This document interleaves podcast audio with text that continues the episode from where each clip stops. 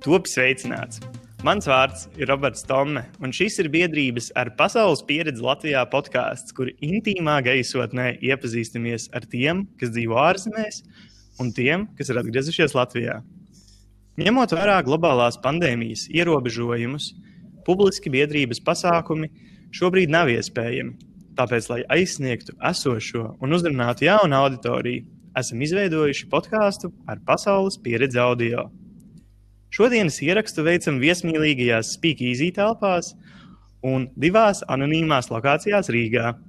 Savukārt mūsu šodienas sarunu tēma ir, vai mākslīgais intelekts aizvietos sarunu ar vecmāmiņu Ziemassvētkos. Tuvojas Ziemassvētki, un šajā mierīgajā laikā parasti tiecamies būt kopā ar tuvākajiem, ģimenes un radu, draugu lokā. Taču dzīvojot ārzemēs, nevienmēr tas izdodas. Ņemot vērā šī gada globālo situāciju, pārvietošanās ir vēl vairāk ierobežota, un cilvēki, kas katru gadu ierastos Latvijā apciemot savus mīļos, šogad varbūt šo iespēju neizmantos.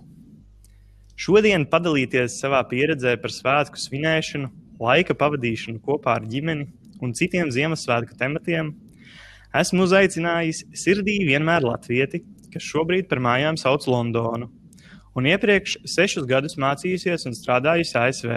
Dzīves prieku roda metoties ikdienas darbos, skrienot pusmaratonus un mācoties jau sasto svešu valodu. Viņa ir Londonas galvenā piparkūku cepēja, ziemeļbriežu konsultanta dāvana jautājumos. Tā ir Kristiāna Brūsgala. Čau, Kristiāna!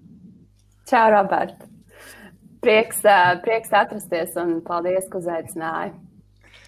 Tāpat esmu uzaicinājis viesņu, kas par sevi saka tā lielā mērā es atbilstu mileniāļu klišejai. Ikdienā pārvietojos ar velosipēdu, dzeru auzu pienu un dažādām sava dzīves stila izvēlēm piešķiru lielu nozīmi.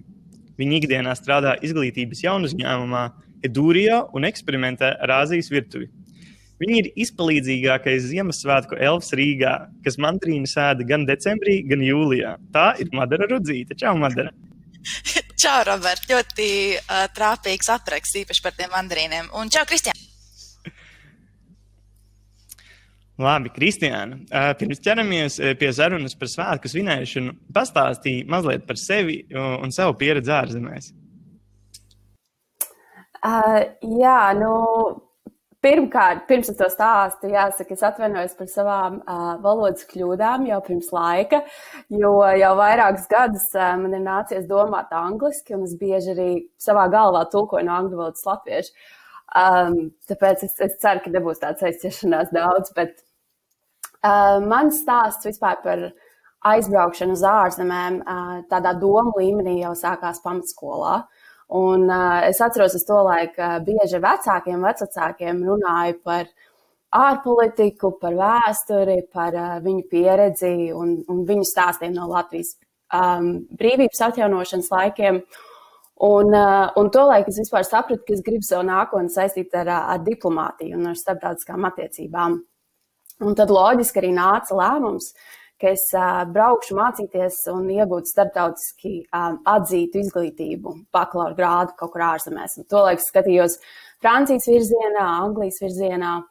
Um, bet tas uh, pagrieziena punkts man bija pirms uh, 12. klases, kad es aizbraucu um, apmaiņas programmā uz ASV, ko organizēja ASV valsts departaments un ASV vēstniecība Latvijā. Uh, Un, un tolaik mēs bijām izvēlēti no 45 dažādām valstīm. Es iepazinu ļoti daudz mana vecuma jauniešus, un es sapratu, ka varbūt es braukšu un studēšu ASV, kas piedāvā vairāk liberal arts education, un, un ir, ir studenti nāk no daudzām dažādām sociāli, ekonomiski, kultūrāli, dažādām vidēm.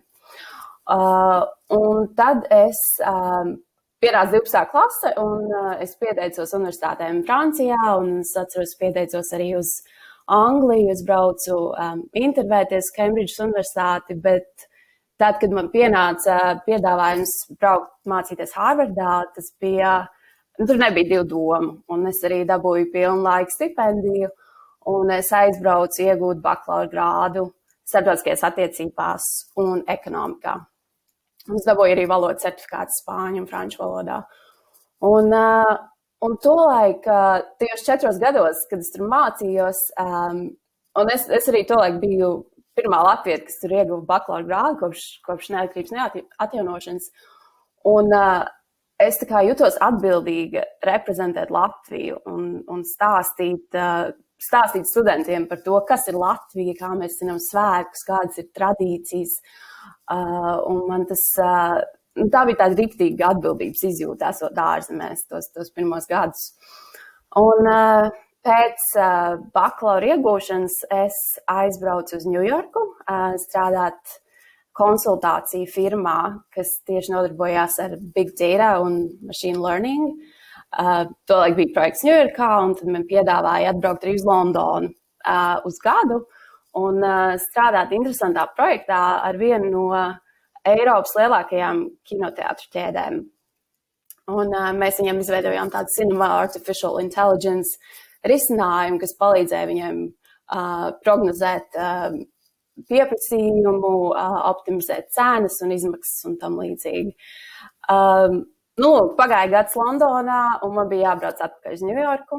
Uh, tas bija pagājušajā gadā. Un, uh, lai gan tas, tā, tā doma bija tāda, ka es braukšu atpakaļ uz ASV, es izlēmu palikt Londonā. Un man bija ļoti grūti to izlemt, Es domāju, nu kā es aizbraukšu atkal tik tālu no Latvijas dzīvot. Es sešus gadus to dzīvoju ASV. Un uh, tad es paliku Londonā un es sāku strādāt uh, LinkedIn firmā, kurš strādāju vēl šobrīd. Um, es strādāju komandā, mēs esam uh, pārdošanas stratēģiju, sales strategy un operations komanda. Un mēs atbildam par um, Eiropas, tuvo austrumu, Āfrikas un Latvijas reģionu. Tas ir viss, kas sākās no fiscal planning to forecasting uh, līdz uh, daudziem dažādām mārketinga kampaņām un tam līdzīgi. Uh, tālūk, tā ka es jau dzīvoju šobrīd uh, Londonā uh, uz to laiku, kad es dzīvoju Amerikā. Tos sešus gadus es, es skatos atpakaļ ar tādu ļoti lielu smaidu, un, un tie bija tie gadi, kad es um, es ļoti daudz sapratu par sevi, par cilvēkiem savā apkārt. Un, uh, un es tā klusībā ceru, ka varbūt kādu dienu es arī tur atgriezīšos un, un strādāšu. Um, bet vispār, ko es esmu sapratusi, esot ārzemēs, ka to latvietību un to piedarību sajūtu, nu, tu nevari pazaudēt, ja, ja tev ir tās, tās morālās vērtības, pie kā tu arī turies. Uh, ja, ja tu aizbrauc un ja tu sirdī jūties kā latvietis, tad, tad uh, un, un ja tās tradīcijas arī uztur un stāsta cilvēkiem par Latviju, um, un, un, un stāsta, kāpēc tur ir interesanti aizbraukt, tad, uh, tad tā piedarības izjūta arī nekur nepazūd. Tas tā īsumā par mani. Foršs stāsts, um, es domāju, ļoti iedvesmojošs. Uh, faktiski sanāk, ka tas, um, tas brauciens uz ASV, kas tev bija vidusskolā, kaut kādā ziņā arī uh, deva to lielo nu, devumu tam, ka tu principā izvēlējies doties uh, pāri okeānam tik tālu. Jā, uh, jā tas bija tas, tas pagrieziena punkts. Jo es iepriekš par ASV vispār kā tādu uh, izvēles, nu, izglītības iespēju nebiju domājis. Pirmkārt, tas bija ļoti tālu. Uh, otrkārt, tas ir uh, daudz uh, dārgāk finansiālā ziņā, un tas man likās daudz neiespējamāk. Um, jo Amerikas, uh, Amerikas augstskolās tikt uh, kā starptautiskam studentam ir uh, ļoti sarežģīti, jāsaka godīgi. Superīgi, bet uh, tas konkurss, kurā tu piedalījies, uh, varbūt tu vari pastāstīt mazliet vairāk detaļas par to, vai, vai tas šobrīd notiek, un uh, vai cilvēkiem būtu iespēja arī, nu, teiksim, ja ir kāds vidusskolēns, kas tagad par to domā. Jā, un ja mēs runājam par to konkursu, to laika skolotājs Jānis Zeimanis, kas šobrīd strādā arī Rīgas valsts pirmajā gimnāzijā, viņš man to konkursu minēja man liekas, vai viņš bija pielicis kaut kur skolā pie sienas plakātu, kur ir tāds konkurss, ko rīko ASV vēstniecība. Es domāju, nu, kāpēc nepieteikties? Uh, un es vienkārši uh, pieteicos, un, uh, un viņš notiek. Es zinu, ka vēl pēc manis vairākus gadus notika. Es vēl gāju uz ASV vēstniecību, palīdzēju viņiem interviju procesā un intervēju nākamos studentus. Um, bet uh, šogad es pieņemu, ka nenotika gan. Man liekas, nenotika noteikti. Jā. Un kaut kāds iemesls tam arī varētu būt. Jā, um, nu, nu, forši, paldies tev par stāstu. Es uh, zinu, ka tu, Madara, arī esi bijis Londonā. Varbūt arī vari pastāstīt par savu pieredzi, kur tu esi bijusi un ko tu esi sadarījusi. Un tagad tu esi atpakaļ Latvijā. Jā, um, domājot par, par to, Uh, kā sevi iepazīstināt, uh, jāpieiet nedaudz radoši tam, jo uh, lielā daļā mūsu un Kristiāna stāsts kaut kādā mērā pārklājas. Arī mana ģimene ir, ir tāda, kas, nu, man arī manī, kas sanāk, arī mana tante un onkulis abi ir dzīvojuši ārzemēs, un arī mani vecāki vienmēr ir ļoti iedvesmojuši pētīt pasauli ārpus Latvijas robežām. Un, um, Viņiem vienmēr būšu pateicīga par to, ka 2010. gadā, kas bija 10. klase, um, man bija iespēja dzīvot Jaunzēlandē uh, skolēnu apmaiņas programmā AFS. Un uh, tā bija pirmā reize, kad es biju tik tālu prom no mājām uh, uz ilgāku laiku. Un es dzīvoju vietējā ģimenē, es gāju vietējā skolā, un pirmo reizi biju situācijā, kur man pašai vajadzēja ļoti daudz lietu izdomāt pašai. Un tās nebija tik ļoti praktiskas lietas par to, kā saka, kur dzīvot, kur nopirkt grāmatas, jo par to visu parūpējās un palīdzēja un atbalstīja mana viesģimene, bet um, tādas grūti tvaramas lietas, uh, kā kaut kāda um, apziņa par identitāti, par nacionalitāti, par, par to, kas man ir svarīgs, vērtības, uh, ko es gribu pēc tam mācīties vidusskolā un tālāk. Um, tie visi bija jautājumi, kas man bija pirmo reizi jāuzdod uh, pašai un jāizdomā atbild pašai. Um, vietā, kur, uh, kur man bija kur man nebija nekāda sociālā, kā saka, kāda uh, kapitāla un vajadzēja ļoti daudz lietu izdomāt pašai.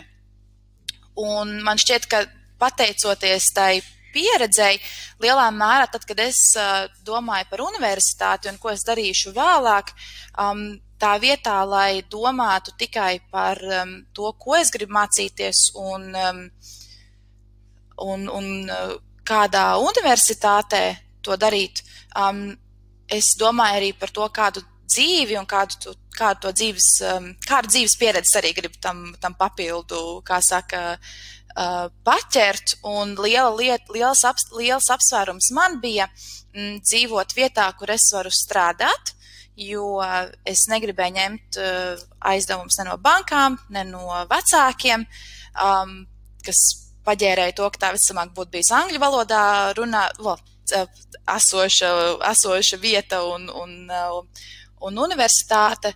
Um, un gribēju mācīties jaunu valodu, jaunu izaicinājumu, kas manā gadījumā ir ķīniešu valoda.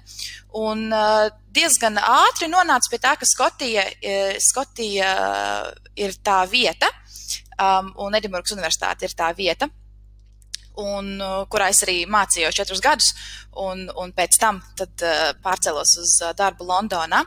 Um, tas, kas bija interesanti tajā ceļā uz, uz Edinburgu, ir tas, ka īstenībā pirmajā reizē, kad es stājos universitātē, es īstenībā neiestājos.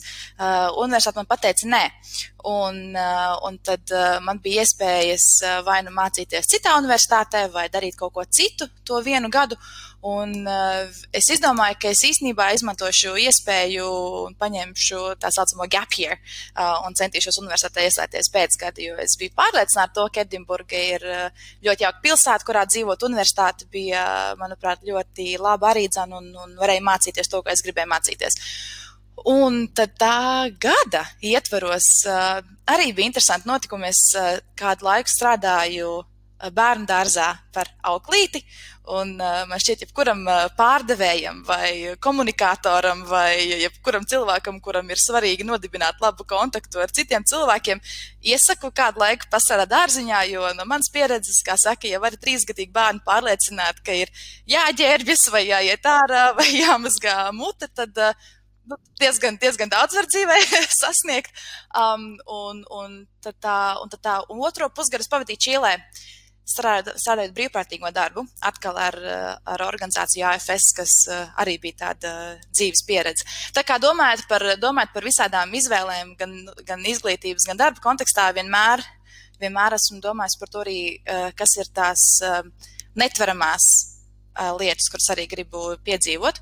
Um, nu jā, tad sakoja četri gadi uh, Skotijā. Sāk, pareizi gan teikt, trīs gadi, jo vienu gadu es biju Ķīnā apmaiņas gadā, kas uh, varbūt līdzīgi Kristiāna, kā tu teici par to, ka tie gadi uh, Amerikā ir tie, kuri, kuri ļoti formatīvi kaut kā tev pasaules skatu ietekmēja. Um, noteikti visi, arī, kas man cik jau nāk, seši ar astīti gadi ārzemēs, arī tādi noteikti man ir bijuši, bet, ja ir jāizceļ kāds viens īpašs piedzīvojums, tad noteikti bija Ķīna, um, kas uh, personīgajā izaugsmē ļoti, ļoti, ļoti daudz sniedza. Un jā, tad, kad absolvējām, um, es ar savu draugu Maksu, kurš uh, mācījās Amerikā, uh, bijām nolēmuši to, ka mēs gribam dzīvot kopā. Un atkal domājot par darbiem, piegājām no, no tādas perspektīvas, ka vēlamies uh, strādāt tā, kā arī uh, dzīvē esam kopā. Un, un tad diezgan pragmatiski nonācām pie lēmuma pārcelties uz Londonu strādāt. Um, un, uh, diezgan pragmatiski uh, uz Londonu skatījāmies kā uz tādu vienu pieredzi, kuras laikā, kā saka, pamēģināt, pamēģināt pieaugušo darbu, uh, saprast, kā, saprast kā, kā tā darba ikdiena strādā. Un uh, tad, kad bija iespēja pārcelt uz Latviju, kas nu jau ir pirms vairāk, nedaudz vairāk nekā pirms gada, um, to arī darījām. Un um, nu jau gadu esmu atpakaļ mājās. Kā ir būt mājās? Ļoti labi. Man ir ļoti grūti. Man ir ļoti grūti pateikt kaut ko vairāk par tādām vispār pieņemtām klišejiskām frāzēm, bet viņas tiešām ir patiesas. Ir, es īstenībā nebiju gaidījusi, ka man būs tik liels prieks būt mājās.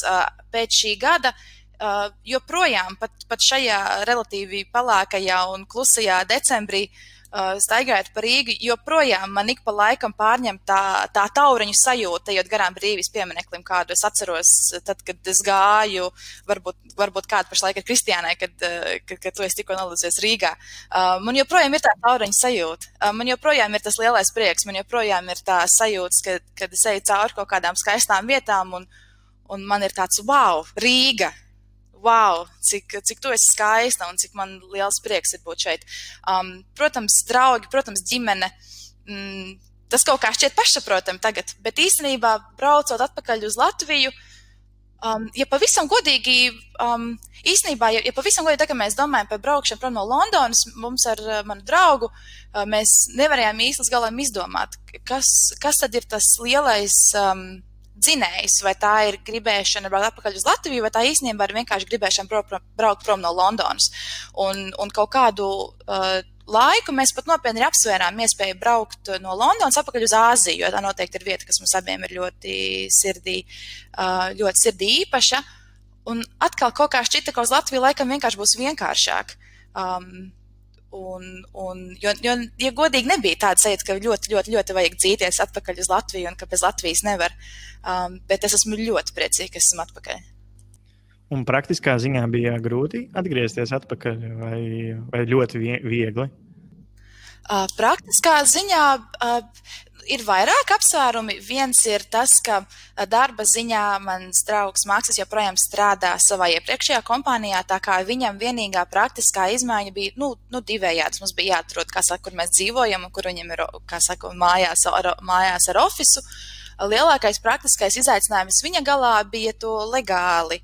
Um, kā saka, pārslēgties no, no, no tā, ka viņš bija darbinieks Lielbritānijā, uz to, ka viņš pašlaik ir pašnodarbinātais Latvijā un, un, un, un tādas visādas legālas, nu, legālas nodokļu uh, maksājumu lietas ir, ir lielākais praktiskais izaicinājums viņa galā. Uh, manā galā lielākais praktiskais izaicinājums, protams, bija atrast jaunu darbiņu.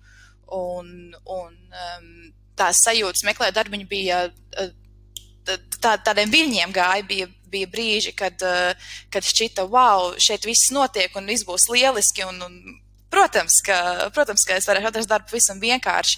Um, un pateicoties tādām lapām kā Your Move, um, bija diezgan interesanti. Visu kaut kādas iespējas arī meklēt, bet, protams, bija arī kaut kādi mirkļi, kad sāc iet uz tām darba intervijām un jautā par, par iespējām, par kultūru, par, par, par algām, protams, un tad atkal bija tādi zemāki punkti. Um, Bet uh, galu galā atkal uh, atrast darbu īstenībā beigās bija diezgan, uh, es nevaru teikt, viegli, bet, um, bet uh, atskatoties atpakaļ, diezgan pašsaprotami, ka es sāku strādāt kompānijā, uh, kurā arī ir liela daļa skolas biedru. Pašlaik arī strādā vairāk klases biedru, bet lielākajā mērā um, saistošais faktors ir tas, ka uh, komandas. Uh, vadītāji un, un liela daļa arī komandas biedru ir dzīvojuši ārzemēs, un, un tā dzīves pieredze un kaut kādas tās spējas un, un intereses un, un arī kultūra īstenībā šķiet, man šķiet ļoti līdzīga tai, kāda es piedzīvoju Londonā. Tā kā galu galā tas arī tas atrisinājās kaut kā ļoti labi. Um, nu, tādā pavisam praktiskā līmenī es esmu ļoti pateicīga tiem uh, daudzajiem, uh, daudzajiem cilvēkiem, kas uh, braukā ar busiņiem no Rīgas uz Londonu, jo nu, bez viņiem būtu ļoti grūti atvest to, to, lietu, to, to lietu krāvumu, ar kuru mēs uh, paspējām apaugt. Ļoti forši. forši tāds, um, man abām divām jums tāds. Um, tādi izaicinoši jautājumi, varbūt kaut kādā ziņā sāksim ar tevi, Kristiāna, pirmo. Kā tu redzi savu nākotni, vai tu domā kaut kad atgriezties atpakaļ Latvijā? Uh, nu, jāsaka, šis ir tas jautājums, ko es uh, saņemu nu, visvairāk. Un, uh, manuprāt, arvien vēl vairāk, uh, kā gadi iet, man to prasa arvien vairāk un vairāk. Un uh, man atbilde ir, jā, es par to esmu ļoti daudz domājis, un es esmu pārliecināta, ka es kādu dienu atgriezīšos. Es nezinu, vai tas būs pēc trim, pieciem, vai septiņiem, vai desmit gadiem, uh, bet uh, bet es zinu, ka es atgriezīšos. Un es to, un es to pārliecība, tā pārliecība ir arvien lielāka katru reizi braucot uz Latviju patiesībā, jo es, jo es redzu, cik man ļoti pietrūkst, ka es gribu būt tuvāk ģimenei. Um, un, uh, un es redzu, cik liels arī iespējas un kādas man ir pašai bijušas iespējas um, izglītības ziņā un, un vispār te, te uzaugt. Un te ir tā vieta, kuras um, labprāt arī um, dzīvot kopā ar savu ģimeni. Forši, tas bija ļoti priecēji to dzirdēt. Ja tu brauksi atpakaļ uz Latviju no Londonas, tad tev Madara noteikti varēs iedot kādu telefonu numuru busiņu pārvadātājiem. noteikti, noteikti Madara gaida ziņu. Bet varbūt tie būs trīs gadi, varbūt vairāk. Un tev man ir jautājums, vai tu stāstīji, ka tā vilkme atgriezties vēl nebija tik spēcīga, vai tu redzi, ka tu nākotnē varētu kādreiz vēlreiz aizbraukt prom no Latvijas? Uh, es domāju, ka jā. Man šķiet, ka tas, ko esmu apzinājusies uh, pēdējā laikā, ir tāda liela brīvības sajūta. Um, ņemot tādā ziņā, um, arvien biežāk un biežāk es uh, sajūtu to, ka kaut kādus uh, limitus vai kaut kādas iedomātas barjeras tiešām bieži vien nāk dzīvo tikai manā prātā. Um, es zinu, ka braucot atpakaļ uz mājām, manas viens, viens no manām lielākajām bailēm uh, bija tas, ka um, tāda, nu, es nevaru teikt nolemtības sajūta, bet tāda, tāda sajūta, ka, ah, nu, skaidrs, kā tas jaunības trakums ir izdzīvots, nu, tagad mēs atgriežamies mājās, sakārtojam dzīvi, viss būs kārtībā, un, un kā saka, viss ir tādā ie, ie, iemītā taciņā kā saka, ir, ir jau tikai laika jautājums, kad būs, nezinu, tur māja, mašīna, suns, bērni un tā tālāk.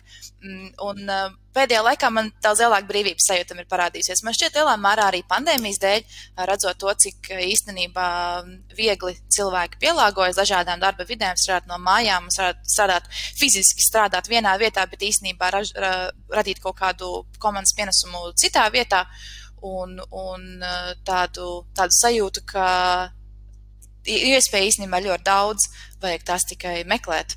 Um, tā kā es, eh, es nenoliedzu to. Tajā pašā laikā um, tas arī, ko es vienmēr esmu teikusi gan sev, gan citiem, um, ar visu to, ka man ir, eh, kā saka, uz papīra sanācis būt un dzīvot vairākās vietās, um, es arī neredzu sevi kā tādu, tādu valstu krājēju, man nešķiet arī, ka tāds, ka tāds svarīgs pašmērķis kaut kur braukt un vienkārši kaut kādas pieredzes meklēt. Man šķiet, ka uh, pavisam jaudīgu karjeru un dzīves pieredzi un, un, un sajūtas un, un vienkārši visu esību var piedzīvot arī Latvijā uz vietas. Tā kā um, es, not, es noteikti gribētu kaut kur vēl padzīvot ārzemēs. Es domāju, ka, ja, ja man, ja es spētu izvēlēties uh, vietu, tā visticamāk būtu Āzija, lai uzlabotu savu ķīniešu valodu kaut vai. Bet uh, tā, ka kaut kur rauties un, un pašmērķa dēļ braukt uh, prom, mm, arī laikam ne. Forši. Esam, uh, esam iepazinušies ar abām viesņām, un ar to arī pirmo daļu noslēgsim. Un sarunas otrajā daļā parunāsimies par svētku svinēšanu Latvijā un ārzemēs.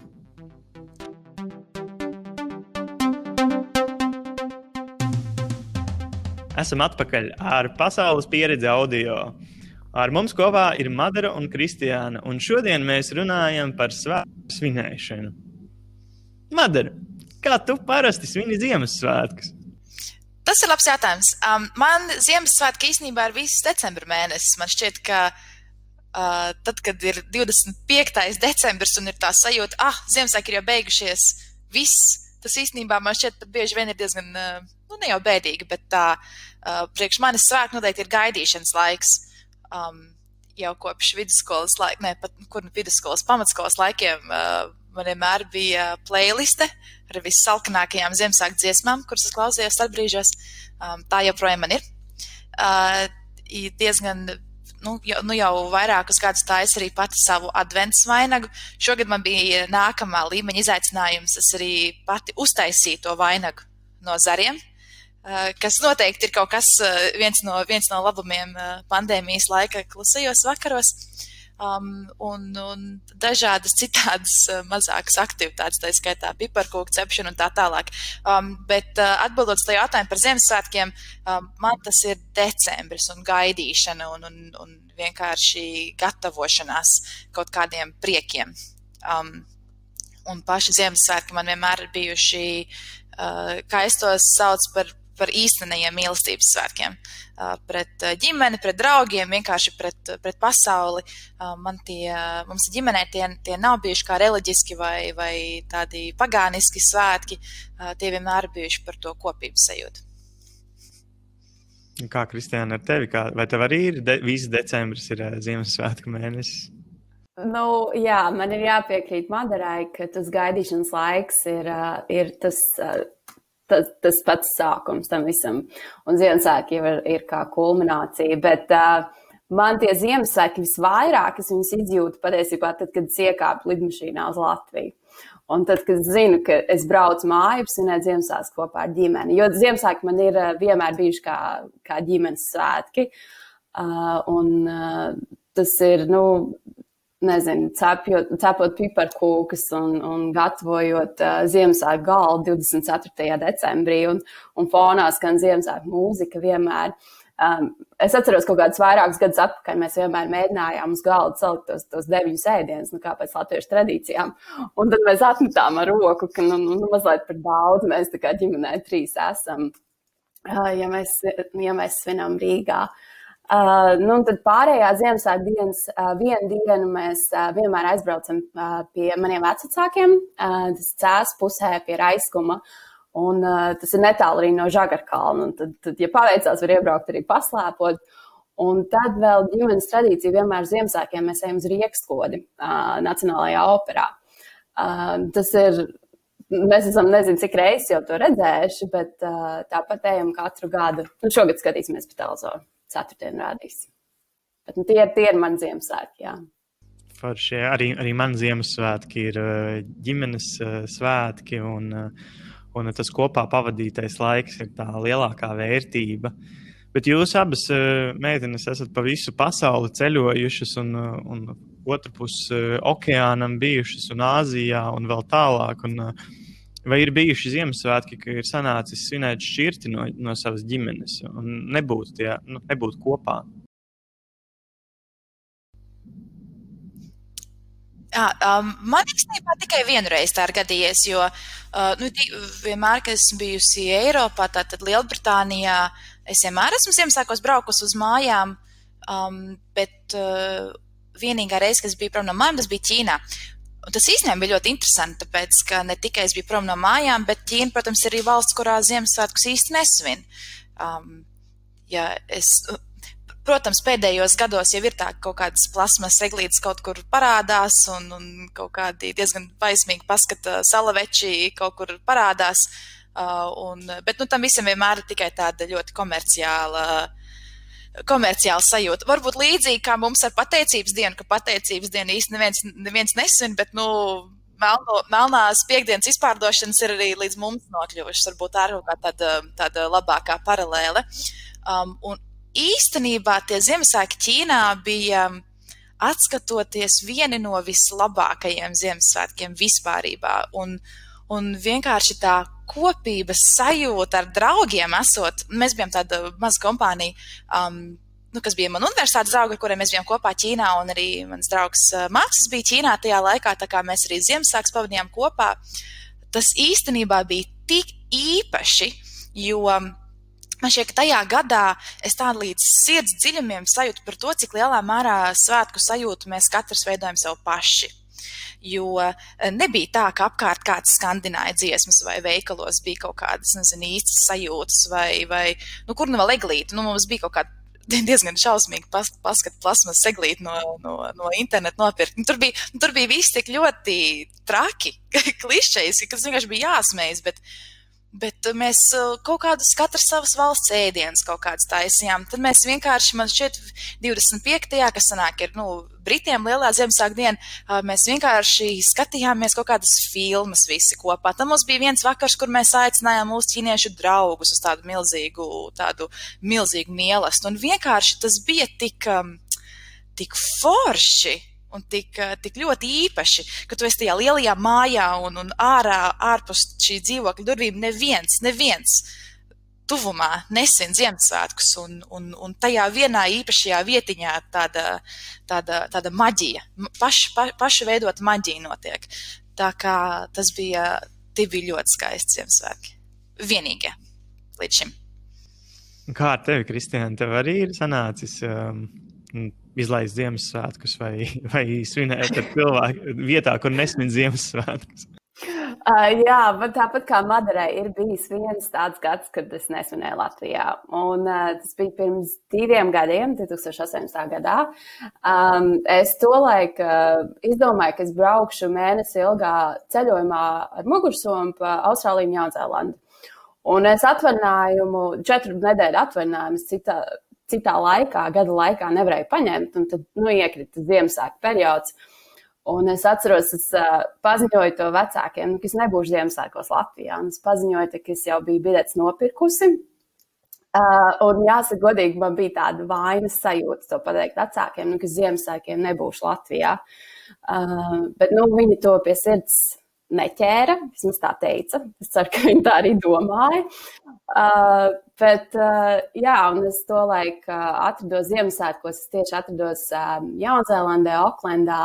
Uh, pie draugiem mājās, un tad uh, kopā ar viņu bērniem mēs pušķojām eglīti, mēs cepām piparkūkas, uh, bet uh, kā jau dienvidu puslodē, tā vietā, lai ietu, nezinu, celt sniega vīri, mēs gājām uz pludmali, jo tolaik bija vasara. Uh, nu, tad tie bija tādi mazliet citādi Ziemassvētki, bet, um, bet tie tas pat bija tikpat mājīgi, ja godīgi, gan drīz vai tikpat mājīgi, kā būtu bijis Latvijā, jo tie bija mani draugi un viņi atvēra savu māju un viņi, viņi parādīja savas tradīcijas un, um, un jā, bija, bija forši. Faktiski sanāk pēc jūsu abu stāstiem, ka, ka nu, draugi jau ir tā, tā otrā ģimene, tā izvēlētā. Un, ja nesanāk svinēt Ziemassvētkus ar, ar savu ģimeni, ar saviem vecākiem vai vecākiem, tad ar draugiem nemaz nav sliktāk pēc jūsu stāstītā.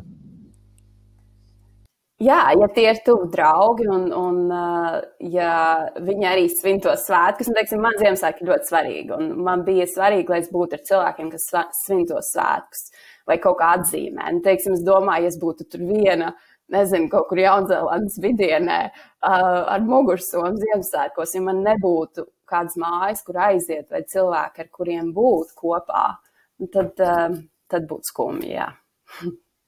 Man šķiet, ka tieši kā Kristiāns saka, ka ir svarīgi tas, ka, nu, protams, ka tie cilvēki tev ir tuvi, bet otrkārt, ka tie cilvēki arī saprot, un viņiem pašiem ir arī kaut kāda uh, pašiem savu piesaistam. Um, jo es kontrastējot Ziemassvētkus uh, ar citiem Latvijā atzīmētiem svētkiem, kaut vai tiem pašiem Jāņiem, nerunājot pat par 18. novembri, 4. maiju un tā tālāk, um, man jāatzīst, ka citus svētkus um, daudz grūtāk um, ir pastāstīt draugiem, izstāstīt, liek, likt viņiem tā kā saprast, cik šis, cik šis man ir svarīgi. Um, Jāņus kaut kā racionalizēt un, un kaut kā izstāstīt citiem cilvēkiem vienmēr bijis ļoti sarežģīti. Um, un, un tas noteikti arī man, manā gadījumā ietekmē tas arī, kā es pati skatos uz citiem latviešu svētkiem promesot. Uh, tātad domājot par Ziemassvētkiem, ja tie ir cilvēki apkārt tev, kas arī svin, kas ar, kam arī tas ir īpaši, tas man šķiet arī Uh, arī ir, ir ļoti svarīgi un, un ļoti nozīmīgi, lai, lai, lai tā svētku svinēšana tiešām ir visiem īpaša. Tieši, Madara, tu pieskāries arī citiem svētkiem.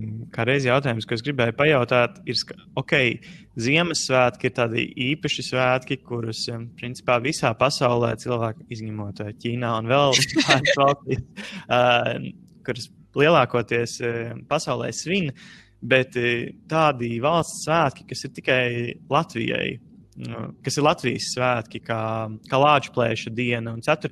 maija, kā bija ar šo svētku svinēšanu ārzemēs, un uh, vai tā piederības sajūta Latvijai tajā brīdī nebija? Kā, kā jums sanāca zināt šādus svētkus? Um, domājot par 11. novembri, 18. novembri, 4. māju, par tādiem valstiskiem svētkiem, um, nu jāatzīst arī, ka Latvijā es nevaru teikt, ka es ļoti svinu 4. māju, piemēram. Es zinu, ka tie ir kā Baltie, Baltā galdauts svētki un ģimenes sanāk un, un, un, un svin. Mūsu ģimenē tā īstenībā nav spēcīga tradīcija. Arī 11. novembrī iet uz uh, krasta malaks vecīt ir kaut kas, ko, um, ko es īstenībā diezgan lielā vecumā pats sāku darīt. Um, tāpēc arī kaut kādas tādas tradīcijas, kā tos kā svētkus atzīmēt um, ārzemēs, man īsti nav.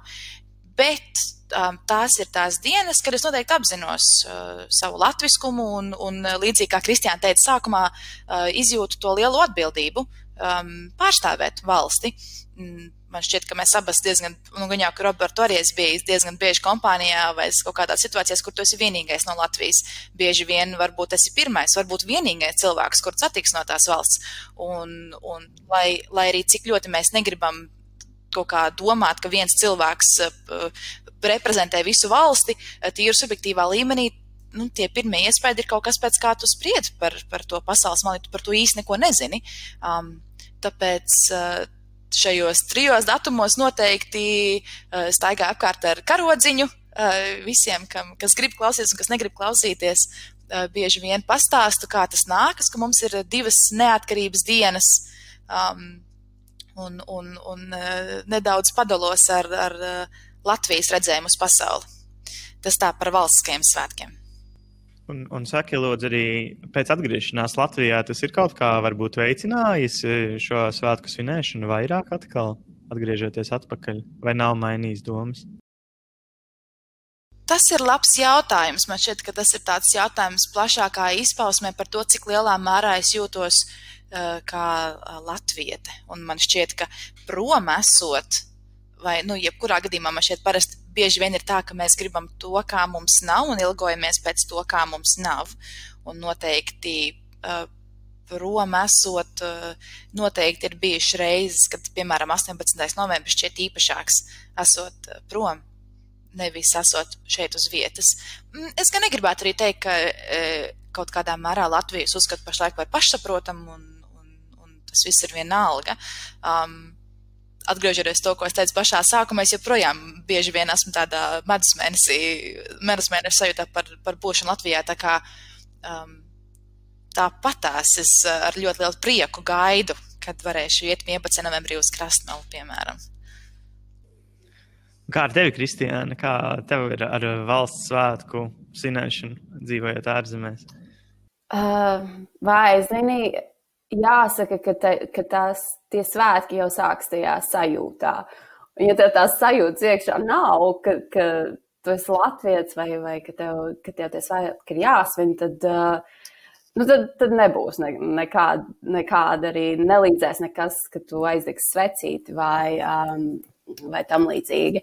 Tāpēc man tā sajūta vienmēr ir bijusi, un, uh, un tas, kā es esmu svinējis tos svētkus, ir uh, kaut vai ar to pašu sarkanu balto uh, svecītes aizdegšanu mājās, uh, vai šogad 18. novembrī Tas bija pagājuši, kad, kad es vēl gāju uz oficiālu, tad es piesprādu, es atceros, pie blūzas piesprādu Latvijas karodziņu un uh, oficiālā dalīju Latvijas uh, šokolādes konfekts un stāstīju um, cilvēkiem, ko tad mēs svinam 18. novembrī. Un tas bija, tas bija tas veids, kā es parādīju, cik man daudz, teiksim, nozīmē 18. novembris. Uh, bet uh, interesanti tas, ko Madara teica par Jāņu svinēšanu, jo man patiesībā bija uh, gadu atpakaļ man bija ļoti interesanta pieredze Londonā Jāņas svinēt. Nu, tie vairāk kā vasaras saulgrieži, uh, kas tiek arī atzīmēti ļoti um, Zviedrijā, Norvēģijā, Skandināvijas valstīs vispār.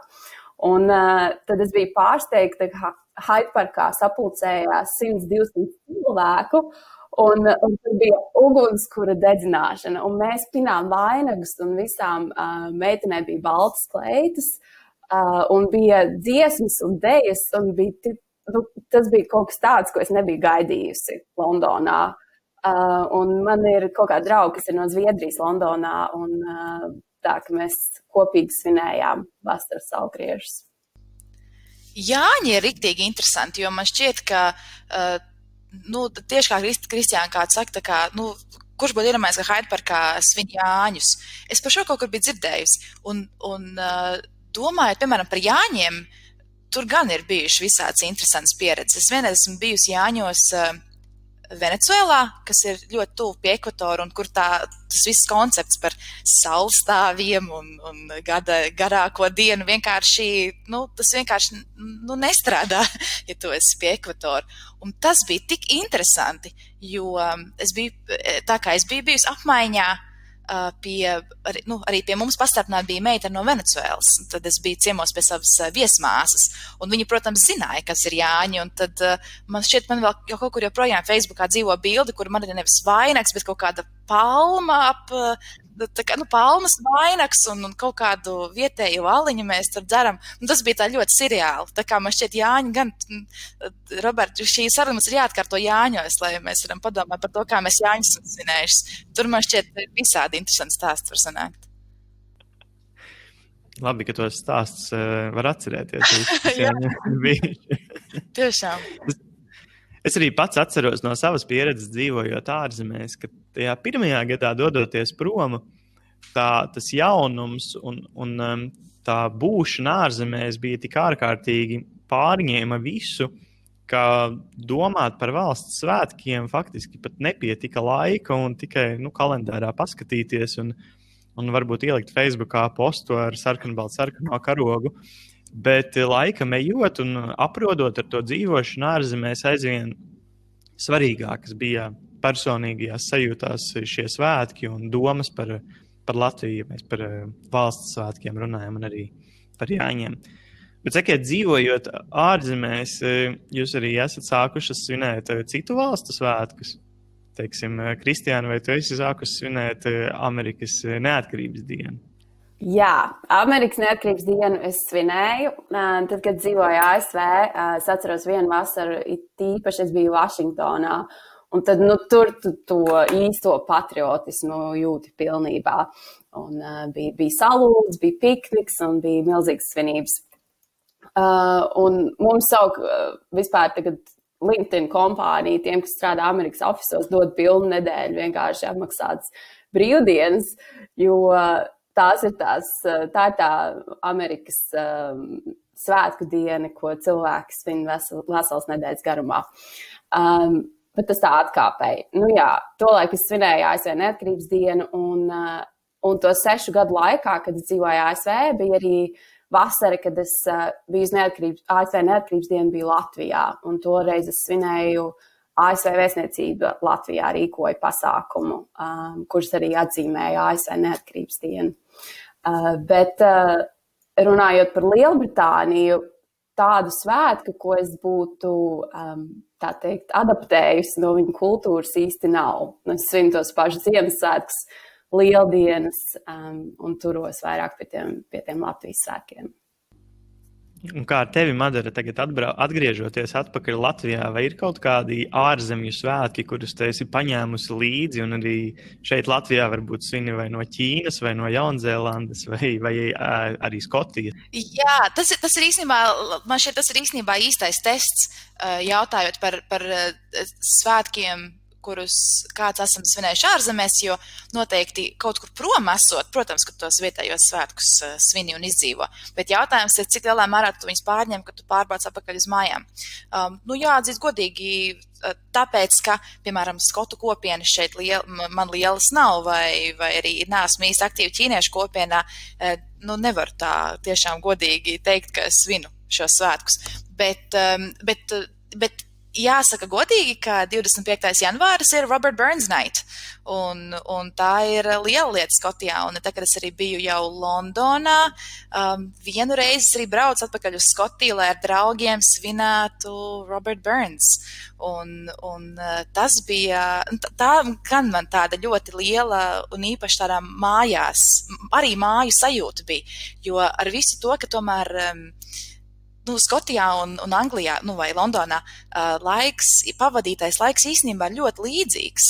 Tā māju sajūta, kāda man bija Skotijā, Londonā, nekad arī nu, tā, tādā līmenī man neizveidojās. Un, un, un tā, tā skotu kultūras nakts ar, ar, ar haggis un, un whisky un, un nezinu, tur pēc tam vakaros eju ballēt un tur keilī lec un, un tā tālāk. Um, Tas bija tā ļoti īpaši. Bet es domāju, ka tam liela saistība arī ir to, ka um, mans Lielbritānijas laiks ir ar diviem ļoti nozīmīgiem uh, notikumiem, uh, kā saka, ne, neatraujams ar Skotijas neatkarības referendumu un Brexit. Un tas noteikti lielā mērā ietekmē arī to, kā es, kā es piedzīvoju Lielbritāniju. Es primāri piedzīvoju Lielbritāniju no Skotijas skatu punkta.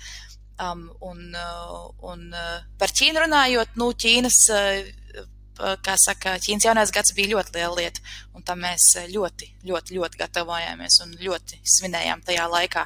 Uh, nu, arī, arī pašlaik, tad, kad tie svētki notiek ar vienu tuvu draudzeni, kas arī dzīvo Ķīnā, uh, mēs uh, taisām tās ķīniešu vakariņas, un, un mums ir tād, tā, tāds tematiskais vakars, bet, nu, nevarētu teikt, ka es ļoti aktīvi svinu tāpēc.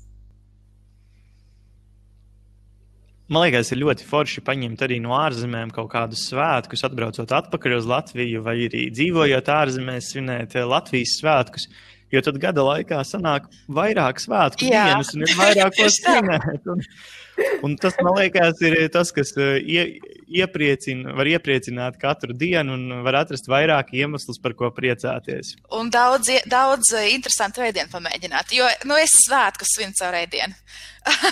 tā kā, ja, ja var uztaisīt kaut kādu tematisko maltīti, tad, nu, kaut vai Cinco de Mayo arī var izlikt, varam izlikties, ka tā ir meksikāņu, nu, izliksimies, ka tā ir meksikāņu brīvdiena. Nu, ko, par podkāstu tēmu esam eh, parunājušies. Eh, sarunas trešajā daļā parunāsimies ne par tēmu, parunāsim par kaut ko citu.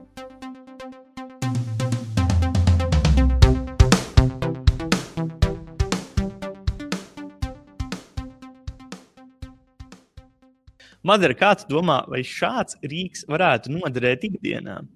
Uh, piemēram, iestrēgstot īpaši garā sarunā ar kādu draugu vai radu, un ar radu, piemēram, vecmāmiņu. Nu, kā, lai, kā lai to tā pasaka? Um, nu, tik lielā mērā, ka, ka, komunikā, ka, ka runāšana ir vienkārši informācijas apmaiņa, komunikācija, informācijas apmaiņa noteikti to varētu tā izdarīt. Bet tad, kad es runāju ar savu vecmāmiņu, kurai īstenībā manām abām vecmāmiņām ļoti patīk runāt un ļoti patīk visu kaut ko man pastāstīt, um, es īstenībā, un, un tas būs tā klišejiski, bet man ļoti patīk klausīties vienkārši, ka viņas runā un man kaut ko stāsta. Um, un, un domājot par to, kā saka, vai domājot par šo jautājumu, man īstenībā prātā nāk um, teātra trupas kvadrifrons uh, izrāde. Um, šķiet, viņu sauc vecmāmiņu valsts. Es viņu gan neesmu redzējusi, um, bet uh, viņiem Facebookā bija ļoti interesants reklāmas rullītis, kur aktieriem, uh, tik, aktieriem uzdeva jautājumu, ko zina tava ome, bet nezina Google. Un, un nu, man šķiet, kā domājot par to mākslīgo intelektu, tad uh, man ir jāsāk domāt par tām visām lietām, kuras uh, zina viena vai abas manas omas, ko nezina Google. Un, un man šķiet, ka tur ir uh, diezgan daudz lietu, kur, kur omas ieliek Google. Tā kā diezgan, diezgan pārliecināts nē no manas puses, ka mākslīgais intelekts neaizvieto sarunu ar vecmāmiņu. Kristiāna, kā tu domā, vai vecmāmiņai būtu labāk atbildēt pretī nevis to ar saviem, ah, mm -hmm, vai, vai ka labāk tas būtu mākslīgais intelekts?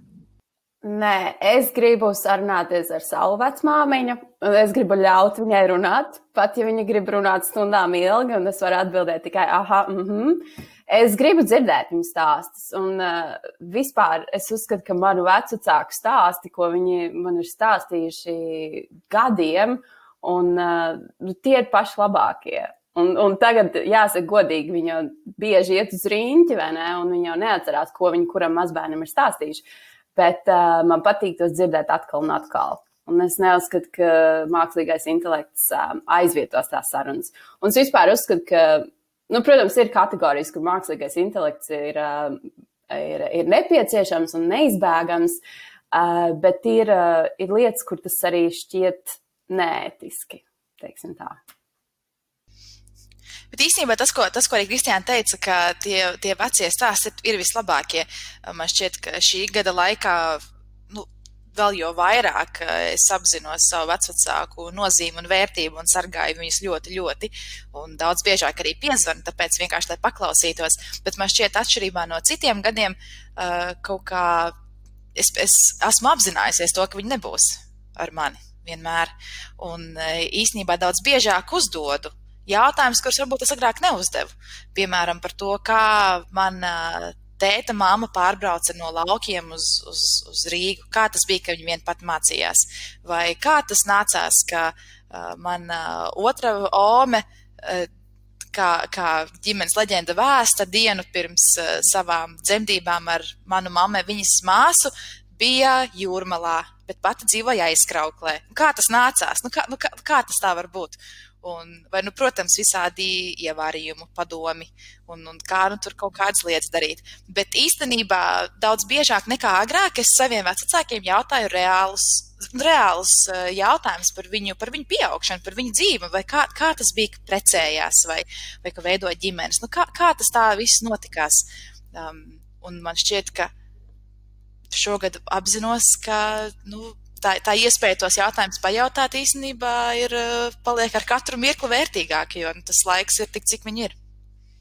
Es eh, noteikti piekrītu jums abām, ka šie stāsti ir ārkārtīgi vērtīgi un ir vērts arī pierakstīt vai, vai ierakstīt šos stāstus, lai varētu paturēt prātā un arī pēcāk arī varbūt arī saviem mazbērniem pastāstīt, nu, klausies, man ir mani stāsti par to, kā es biju vai Anglijā, vai Skotijā, vai Amerikā, vai Jaunzēlandā, bet tava vecāmā, jeb tava vec, vec, vec, vecmāmā, kā, kā viņai ir gājis un, un um, šo pieredzi nodot tālāk, man liekas, varētu būt ārkārtīgi interesanti dzirdēt mhm. vēl tālākām paudzēm uz priekšu. Nu, skaidrs, mākslīgo intelektu mēs esam um, kategoriski noraidījuši. Tas mums šodien nestrādās, bet nu, Google vēl kaut ko paveica. 18. gadā uh, dupleks nē, bet šogad viņi ir paziņojuši, kas ir bijušas top meklētākās lietas 2020. gadā. Mm. Uh, mm -hmm. Es nezinu, varbūt, vai jūs zināt, kas ir šīs lietas, vai jūs esat uh, informētas? Es, es redzēju um, LinkedIn. Uh, bija lietu saraksts uh, uz tāda laika līnijas, kas, kas bija tās meklētākās lietas, teiksim, janvārs vai februāris.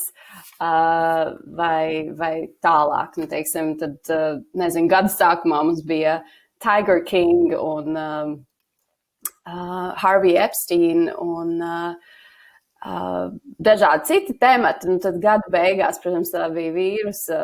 Uh, vīrusu vakcinācija, bet uh, kas palika konstants visu gadu bija Tesla stock. Tā ka um, jā, tās lietas es redzēju. Interesanti. Um, man ir piedāvājums izspēlēt ar jums tātad Viktorīnu.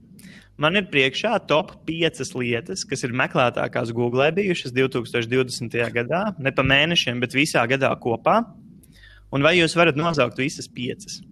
Varat droši saukt katru savus minējumus. Nu, gan jau, ka Tesla būs viena no tām, ja tā ir viena lieta, kas ir bijusi konstanta. Tesla nav. Nē, Okay. Nu, gan jau, ka vakcīna. vakcīna arī nav. Nu, Covid kā, Jā. um, kā pandēmija. Jā, Jā koronavīrus Jā. ir, protams, pirmajā vietā, top pieciniekā.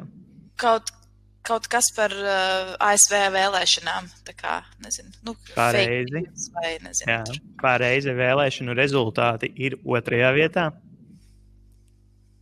Ir vēl kādas idejas?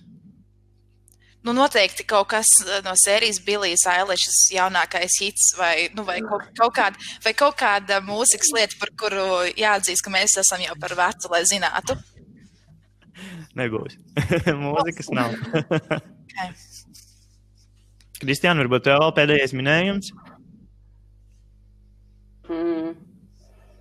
Būs Harvey Epstein. Nē, Nebūs? nebūs. nebūs.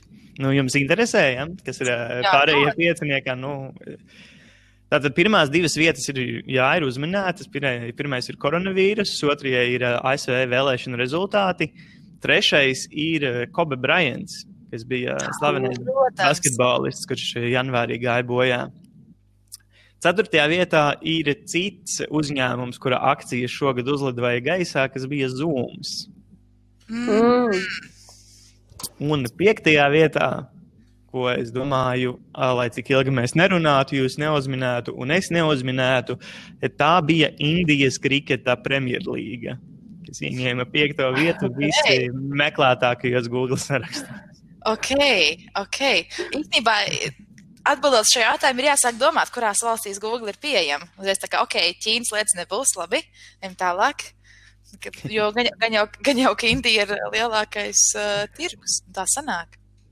Jā, tā kā iespējams nāk, nākamgad vēl vairāk redzēsim no Indijas saraksts. Tāpat arī Google izvirzīja top receptes. E, Varbūt jūs varat padalīties, kas ir jums bijušas šogad e, top receptes vai jaunas receptes, kas ir vai jauns ēdiens, kas ir pagaršots Madera. Uh, tas ir sirdī ļoti tuvs jautājums. Es vispār uh, ļoti, man ļoti garšo ēdienas, man ļoti garšo gatavot, un man ļoti garšo visādas interesantas lietas.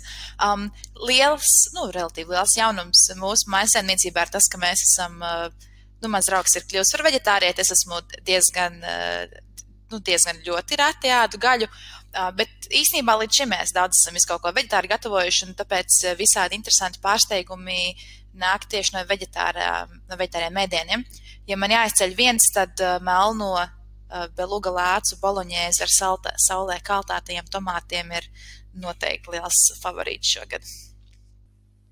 Tu pati taisīji, Madara? Jā, jā mums patīk daudz. Jā, var, tad, kad, tad, kad, kā saka, varēsim tikties, varēsiet atnākt vakariņās uz uh, Ļoti labprāt. Dainu, Es bet tevi ielūdzu. tu esi ielūgta. Es, es arī noteikti atnākšu nobaudīt. jā, jā, tas jau ir skaidrs. Tu jau gandrīz vai kaimiņos dzīvo. Jā, kā ar tevi, Kristiāna? Vai tev ir kāds jauns atklājums vai jauna recepte? Uh, nu, jāsaka, godīgi, ka pirms šī gada es ēst īpaši negatavoju. Man ir godīgi jāatzīst, jo kopš universitātes laikiem mums vienmēr bija ēdnīca, kur bija ēdiens pieejams, un tad arī pirmajā darbā strādājot, es parasti ēdu savā oficiālā, jo es strādāju ļoti garas stundas. Un tad šogad man nācās tiešām iemācīties arī gatavot. Uh, tas vispār sākās ar uh, banānu maizi, jeb tā, to populāro banana bread, uh, kas kļuva par fenomenu. Vispār es nezinu, tas ir tā kā um, pandēmijas sākumā no plauktiem izzuda tolēts papīra, tad pēkšņi arī viss sāka cept banana bread. Uh, es to skaitā, un, uh, un pēc tam es iemācījos arī taisīt um, šokolādes torti un uh, mājās arī gatavoju mandeļu pienu. Tā, tā, tie bija mani kulinārijas jaunatklājumi, un es ļoti lepojos, ka es, ā, vairāk es sāku laiku pavadīt virtuvē. Superīgi. Tad mēs tiekamies pie Maderas uz, uz pirmo, un Kristiāna ņem līdzi saldo. Un Ideāli. Jā. Ideāli. Kā jūs domājat, kas ir bijušas top meklētākās receptes Google? Ir kāds minējums, kas vispār varētu būt?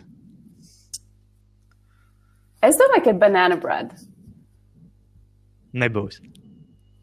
Tiešām. Nav kaut kāds, es nezinu, microwave, um, nezinu, oatmeal. Nu, kaut, kā, kaut kas, ko, ko, kā saka, strādājoši vecāki var uztaisīt ātri bērnam starp uh, savu nainējām un, un, un bērna pirmo stundu. Un, un, un tas rīts, uh, es nespēju, domā, es, es nespēju vienkārši iedomāties, kā ir būt vecākam pandēmijas laikā. Bet nu, kaut kas tāds, kaut kas tāds, kas vecākiem palīdz uh, pabarot bērnus un ko var uzsīt mikroviņu krāsnī. Pārsteidzošā kārtā arī nē. Okay, okay. Pirmie, bet, pirmajā vietā, bet pirmajā vietā bija recepte, kā pagatavot dalgonas kafiju. Vai jūs zināt, kas ir dalgonas kafija? Kas tas ir? Dalgonas kafija ir vienādās proporcijās sajaukts kafijas pulveris, cukurs un karsts ūdens. Un tas viss tiek maisīts, kamēr tas saturs kļūst krēmains, un tad pievieno klāt vai nu siltu vai augstu pienu. Un, ja jums garšo saldākas lietas, tad var arī medu pievienot. Tā ir Dalgonas kafija, kas ir vismeklētākā recepte šogad. Otrajā vietā ir ekmeks, kas ir turku maizes pudiņš. Tas ir diezgan tuvu laikam tam, ko tu, Kristiāna, minēji. Trešajā vietā ir kā pagatavot maizi. Es gribēju pieminēt 23. oktobrī Netflix kārtējo lielisko seriālu, kas tika izlaists, saucās Queen's Gambit, jeb Dāmas upuris. Un, kā jums ir, vai jūs esat redzējuši šo seriālu? Un, tad divos vārdos tas ir e, seriāls par meiteni, kas e, šahā, jeb sportā, kuru dominē vīrieši, mēģina kļūt par labāko. Un tiek attēlots viņas dzīves gājums un mēģinājums šajā vīriešu pārpilnajā sporta veidā ieņemt savu vietu. Kristiāna, saprotu, tu esi redzējis šo filmu, vai tu varētu pastāstīt divos vārdos, kas tev ir paticis un kā? Uh, divos vārdos es varu teikt, man jāizrāva. Bet pavisam nu, tā rīktīgi, ka es uh, noskatījos tās visas sērijas. Uh, man jāatzīst, noskatījos trīs dienu laikā. skatījos visu pēc kārtas. Um, un tā bija tā viena, viena tiešām viens seriāls, kas, kas ļoti, ļoti aizrāva. Es sen nebiju tā skatījusies garu seriālu. Um, nu, es pirms tam gadu biju izdomājis, ka es pirkšu citu galdu spēli. Uh, bet es domāju, ka nākamais būs man jāpērk šachs. Bet es nopirku Begemonu. Tā kā es šobrīd mācos to spēlēt un, un lasu par Begemonu stratēģiju. Forši, un uh, Madara, es saprotu, ka tu neesi redzējis šo seriālu, bet varbūt es tev gribētu citu jautājumu pajautāt. Um, kā tu redzi, um, kā, kāds tev varbūt, kāds tev sajūtas rodās domājot par cilvēkiem, kas ir šahisti? Um, no foršas sajūtas man mājās divi mazi šahisti aug. man divi mazie brāļi ir diezgan uh, skolā mācās šahu. Nu, viens dārziņā, viens skolā, bet, uh, bet uh, vecākais uh, otrklasnieks, nu, viņš jau rūdītos šaha, šaha zinātājus ģimenē jau var apspēlēt. Tā kā liekam liels cerības. Um, Man šķiet, ka šachs ir, ir ļoti interesanta spēle. Es gan viņu pati nespēlēju un, un nemāku spēlēt. Um, man, man parasti, es esmu tāds. Uh, Varbūt, varbūt bērns lielākā ziņā man vajag kaut ko tādu, kas man aizrauja un, un kaut kādu tādu lielāku pēdiņās akciju prasās. Es nespēju, es nespēju iedomāties sevi skatāmies uz laukumu, pie tam melnbaltu laukumu uh, stundām un vienkārši domājot, kur kauliņu pārlikt kaut kur uz citurienu. Es laikam esmu, pie, es neesmu tik pacietīgi, ka es to nespēju, nespēju tā um, izdzīvot, bet tas tikai, tikai palielina manu respektu pret cilvēkiem, kas to var un kas to spēj un kas to izbauda. Šis jautājums, protams, bija ar āķīti, jo arī es esmu šahists. Es o, jā, tāpēc jau, tāpēc jau, tāpēc jau arī tas komentārs. nu, tad kā Ko tev patika seriāls? Jā, kā tev patika seriāls? Jā, man godīgi sakot, ļoti patika seriāls. Man ļoti patika tieši no šāda puses, ka visas partijas tika atainotas pareizi, kauliņi netika bīdīti tāpat vien. Man ļoti patika cilvēku savstarpējo attiecību atainojums. par to, kamēr cilvēki spēlē viens otram pretī šaha partijā, viņi ir pretinieki. Bet tiklīdz partija ir beigusies, viņi ir kolēģi un viņi uzreiz ir eh, ļoti cieņpilni viens pret otru. Tas lieliski tika attēlots filmā, un es kā bijušais šaha spēlētājs varu apliecināt, ka tieši tā tas arī notiek turnīros. Tieši šādi cilvēki izturās viens pret otru.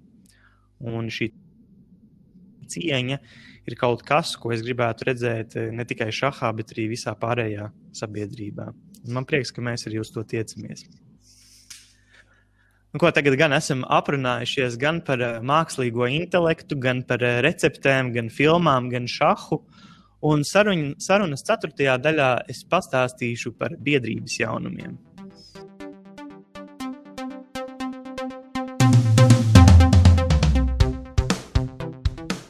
Esam atpakaļ ar pasaules pieredzi audio, un šodien pavisam īsts apskats par pēdējiem biedrības jaunumiem.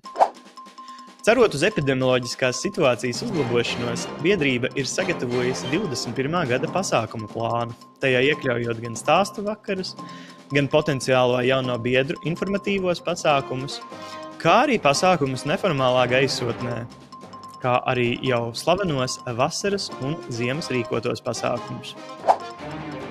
Tāpat nākamā gada sākumā tiks apstiprināts biedrības budžets 21. gadam, tostarp definējot biedru naudas apmēru. Ir sākts darbs pie jaunas mājaslapas, kuras mērķis būs kļūt par galveno informācijas avotu visām biedrības aktivitātēm. Biedriem būs pieeja ekskluzīvam, tikai biedriem pieejam, pieejamam multimediju saturam. Tāpat diasporas konsultatīvās padomes redzeslokā ir parādījies jautājums par attālinātā darba veikšanas atvieglojumiem, kuru mērķis ir veidot Latviju par globālu līderi attālinātā darba jomā. Un visbeidzot, nākamā valdes sēde ir paredzēta 2021. gada 5. janvārī. Tas arī viss par biedrības jaunumiem. Madara, kas tev šogad ir iepriecinājis visvairāk? vienā vārdā telpa, gan uh, fiziskā, gan uh, mentālā. Um, strādājot ar uh, klientiem un kolēģiem Lielbritānijā, un jau Kristiāna varēs piebilst, pieļauju, ka tā, tā, tā sajūta, ka tiešām tu esi tajā īstajā lockdown, ka tu nedrīkst iet ārā no mājām, man ir vienkārši ļoti liels prieks, ka tam mums īsti nevajadzēja iet nekad cauri un to nevajadzēja izdzīvot. Un, un viens no šī gada lielajiem atklājumiem ir tādi podkāstu, podkāstu vakari, kad es uzlieku kaut kādu jaunu epizodu uz austiņām un vienkārši eju, kur acis rāda un šķiet, ka visu Rīgu esmu tā iztaigājusi. Um, un, protams, arī, visā, arī tāda mentālā telpa. Tā, tas brīdis, kad uh, vakars un rīts un pa dienu un nav pārbāzts ar kaut kādām lietām, kuras jādara, kas ir apsolīts kaut kur darīt. Un īstenībā to pirmo vilnu, to pirmo mēnesi ļoti tā sautīgi lielā mierā izdzīvoju un diezgan manuprāt, centos izmantot to kā tādu iespēju ieskatīties sevi un saprast, eh, kur kaut kādi iekšēji lielie nemieri dzīvo un, un kā ar to iet tā uz priekšu. Um, protams, apzinos, ka es esmu ļoti labā pozīcijā, ka, ka šī pandēmija man asociējas ar varbūt kaut kādu lielāku klusumu un, un, un uh, mieru, nevis ar tādu milzīgu haosu un, un trauksmi, kas, es zinu, eh, ir ļoti lielai daļai citu cilvēku. Uh, tā kā vienā vārdā telpa. Kā ar tevi, Kristiāna? Kas tev ir iepriecinājuši šogad visvairāk? Uh, zini, man tās ir bijušas tās visikdienišķākās lietas, kas man liekas, iepriekšējos gados ir uh, šķitušas pašsaprotamas. Teiksim, ja, ja pagājušajā gadā uh, man atbild būtu bijusi, nezinu, kāda eksotiska ceļojuma vai jauns darbs vai kas cits, tad šogad tās ir tās mazākās lietas, piemēram, iespēja iziet pastaigāties pa parku, kas uh, daudzas nedēļas bija vispār liekta Londonā, lockdown laikā. Un es nezināju, vai es nākamajā dienā uh, dabūšu vispār iziet pastaigāties, uh, vai es varēšu tikai aiziet līdz pārtiks veikalam, vai man tur būs vispār pārtika. Un, um, un tas, ka es arī vairāk mēģināju fokusēties un rast prieku tajās mazajās lietās, tas bija fantastiska sajūta. Uh, un vēl arī jāpiemina tas, ka man prieku vispār rada tā apziņa, uh, ka man ir vesela ģimene, draugi, ka man ir jumts virs galvas, ka man ir labs darbs, kas man arī patīk. Un, uh, un tad, kad es sarakstīju labs tās lietas, kas man ir, un tad tu padomā, ka nu, tās visas lietas, kas tev ir, ka ir jākoncentrējas uz to, kas tev ir, nevis tā, kā tev nav. Un tās lietas man arī uh, radīja to vislielāko prieku. Ļoti skaistas ad, abas atbildes ir man uh, prieks dzirdēt. Un ko tu teiksi, Robert? Šogad uh, visvairāk ir uh, iepriecinājušas noteikti dažādas iespējas. Iespējas uh, uzsākt uh, uzņēmēju darbību kopā ar um, saviem draugiem. Iespēja uzsākt arī šo podkāstu, kā arī iespēja pavadīt uh, laiku kopā ar mīļajiem un, un ar draugiem, un, un iespēja vasarā izbaudīt eh, laika posmu gandrīz bez vīrusa. Un, uh, savukārt tagad iespēja uh, dzīvot to dzīvi tā, kā tas ir šobrīd. Kas uh, varbūt nav ideāli, bet uh, ir tā, kā ir. Ar to mums ir jāsadzīvo un uh, gaidīsim, kad būs citādāk. Un, uh, varbūt paturpinot pa Ziemassvētku tēmu, arī kas ir tas, ko jūs gribētu šogad saņemt dāvanā no Ziemassvētku vecīša? Ja Kristiāna, ko tu gribētu saņemt dāvanā? Um, es pat nezinu, vai to var teikt skaļi. Es nezinu, vai man tad Ziemassvētku vecītis to atnesīs vai neatnesīs. Uh, varbūt es jau esmu vēstuli uzrakstījusi. Ziemassvētku vecītis arī klausās mūsu podkāstu. Uh, bet, ja godīgi, man jāsaka, man dāvanas šogad ir palikušas pēdējā plānā, jāatzīst, kā ir. Uh, kaut kā man likās, ka tā iespēja, kas vispār varēja atbraukt uz Latviju, uh, tā man jau bija pašai dāvana. Ne tīpaši ņemot vērā to, ka vakar uh, robežas vispār Lielbritānija tika slēgtas, un man paveicās laicīgi atbraukt. Un, uh, tā, tā ka es uzskatu, ka es jau savu Ziemassvētku dāvanu saņēmu. Un tas, kas var būt kopā ar ģimeni, Tagad es esmu karantīnu izsēdējusi, um, tagad es varu Ziemassvētku pavadīt kopā. Tas arī laikam ir viss, ko, ko man vajadzēja. Man ir kāda dāvana vēlētos saņemt. Nu jā, man šķiet, ka tādas uh, materiālās dāvanas uh, man šķiet, jau vairākus gadus jau nav tas, ko es meklēju, vai tas, ko es gaidu. Man šķiet, ka šogad vairāk jau no visiem gadiem li vissvarīgākās lietas galīgi nav tādas, kuras var nolikt zem eglītes. Bet viena lieta, ko gan pēdējos gados mēs esam daudz dāvinājuši savstarpēji, um, lieta, kuru es zinu, ka šogad nevarēšu nolikt zem ieglītes ne sev nekādam citam, ir, ir laiks kopā kādā foršā koncertā, pasākumā, izrādē, um, vienmēr vecākiem esmu dāvinājusi visādus pasākumus, uz kuriem tad kopā ir jāiziem. Un, uh, jā, ja varētu Ziemassvētku vecītim palūgt uh, biļetes uz uh, pilnīgi jebko, pilnīgi jebko, bet tā, ka, tā, ka būs tā, ka tajā datumā tiešām būs, ka varēs aiziet un var uz viņu gaidīt, un, un, un ka tev būs tas laiks, tā apziņa un, apziņa un, un, un sajūta, ka tev būs iespēja aiziet ar nezinu, savu vecmāmiņu uz, uz koncertu. Tad, lūk, tā, tāda biļeti, tāda biļeti uz tādu koncertu. To es gribētu gan. Es varu tikai novēlēt, lai Ziemassvētku vecītis arī šīs dāvanas arī atnes. Gan tev, Madara, gan tevi, Kristiāna, pārsteidz vēl vairāk nekā varbūt gaidīts. Un, pirms mēs pabeidzam sarunu, varbūt ir vēl kaut kas, ko jūs vēlaties piebilst. Liels paldies par uzaicinājumu, par iespēju. Man šķiet, ka uh, APLV ir, ir ļoti jaudīga kustība. Un, uh, man ļoti liels prieks redzēt to, ka biedrība tīpaši šajā laikā, kad, kad uh, slavenie trompetes pasākumi nevar notikt, uh, tāpat meklēt iespēju, kā sasniegt uh, tos, kam šis interesē un kam šis ir vajadzīgs un, un palīdzīgs. Tā kā liels paldies! Uh, pilnīgi jāpiekrīt Madarai. Um, es arī sekoju ar to, um, ar ko Pasaules pieredze Latvijā nodarbojas ar Facebook vai vispār sociāliem tīkliem. Es atceros, es arī uh, kad gāju uz trompetes pasākumu, tad, kas bija Latvijā, bija tiešām interesanti un bija forši satikt cilvēkus un klausīties sarunās un, un dalīties viedokļos. Um, tā ka jā, es, es ceru, ka šie podkāsti arī turpināsies, arī turpmāk. Un priecīgus svētkus gribu novēlēt arī. Paldies jums abām par šiem skaistiem vārdiem. Paldies, tev, Madara, par šodienas sarunu. Paldies, tev! Paldies, tev, Kristiāna, par šodienas sarunu.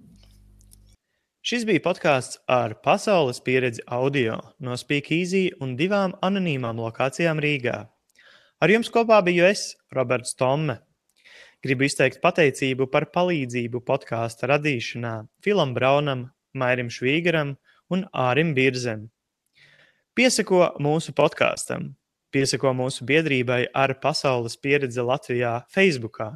Un, ja tev ir kādi jautājumi vai komentāri par podkāstu vai biedrību, raksti mums uz applv, ar pasaules pieredzi.lv vai dodies uz mājaslapu ar pasaules pieredzi.lv.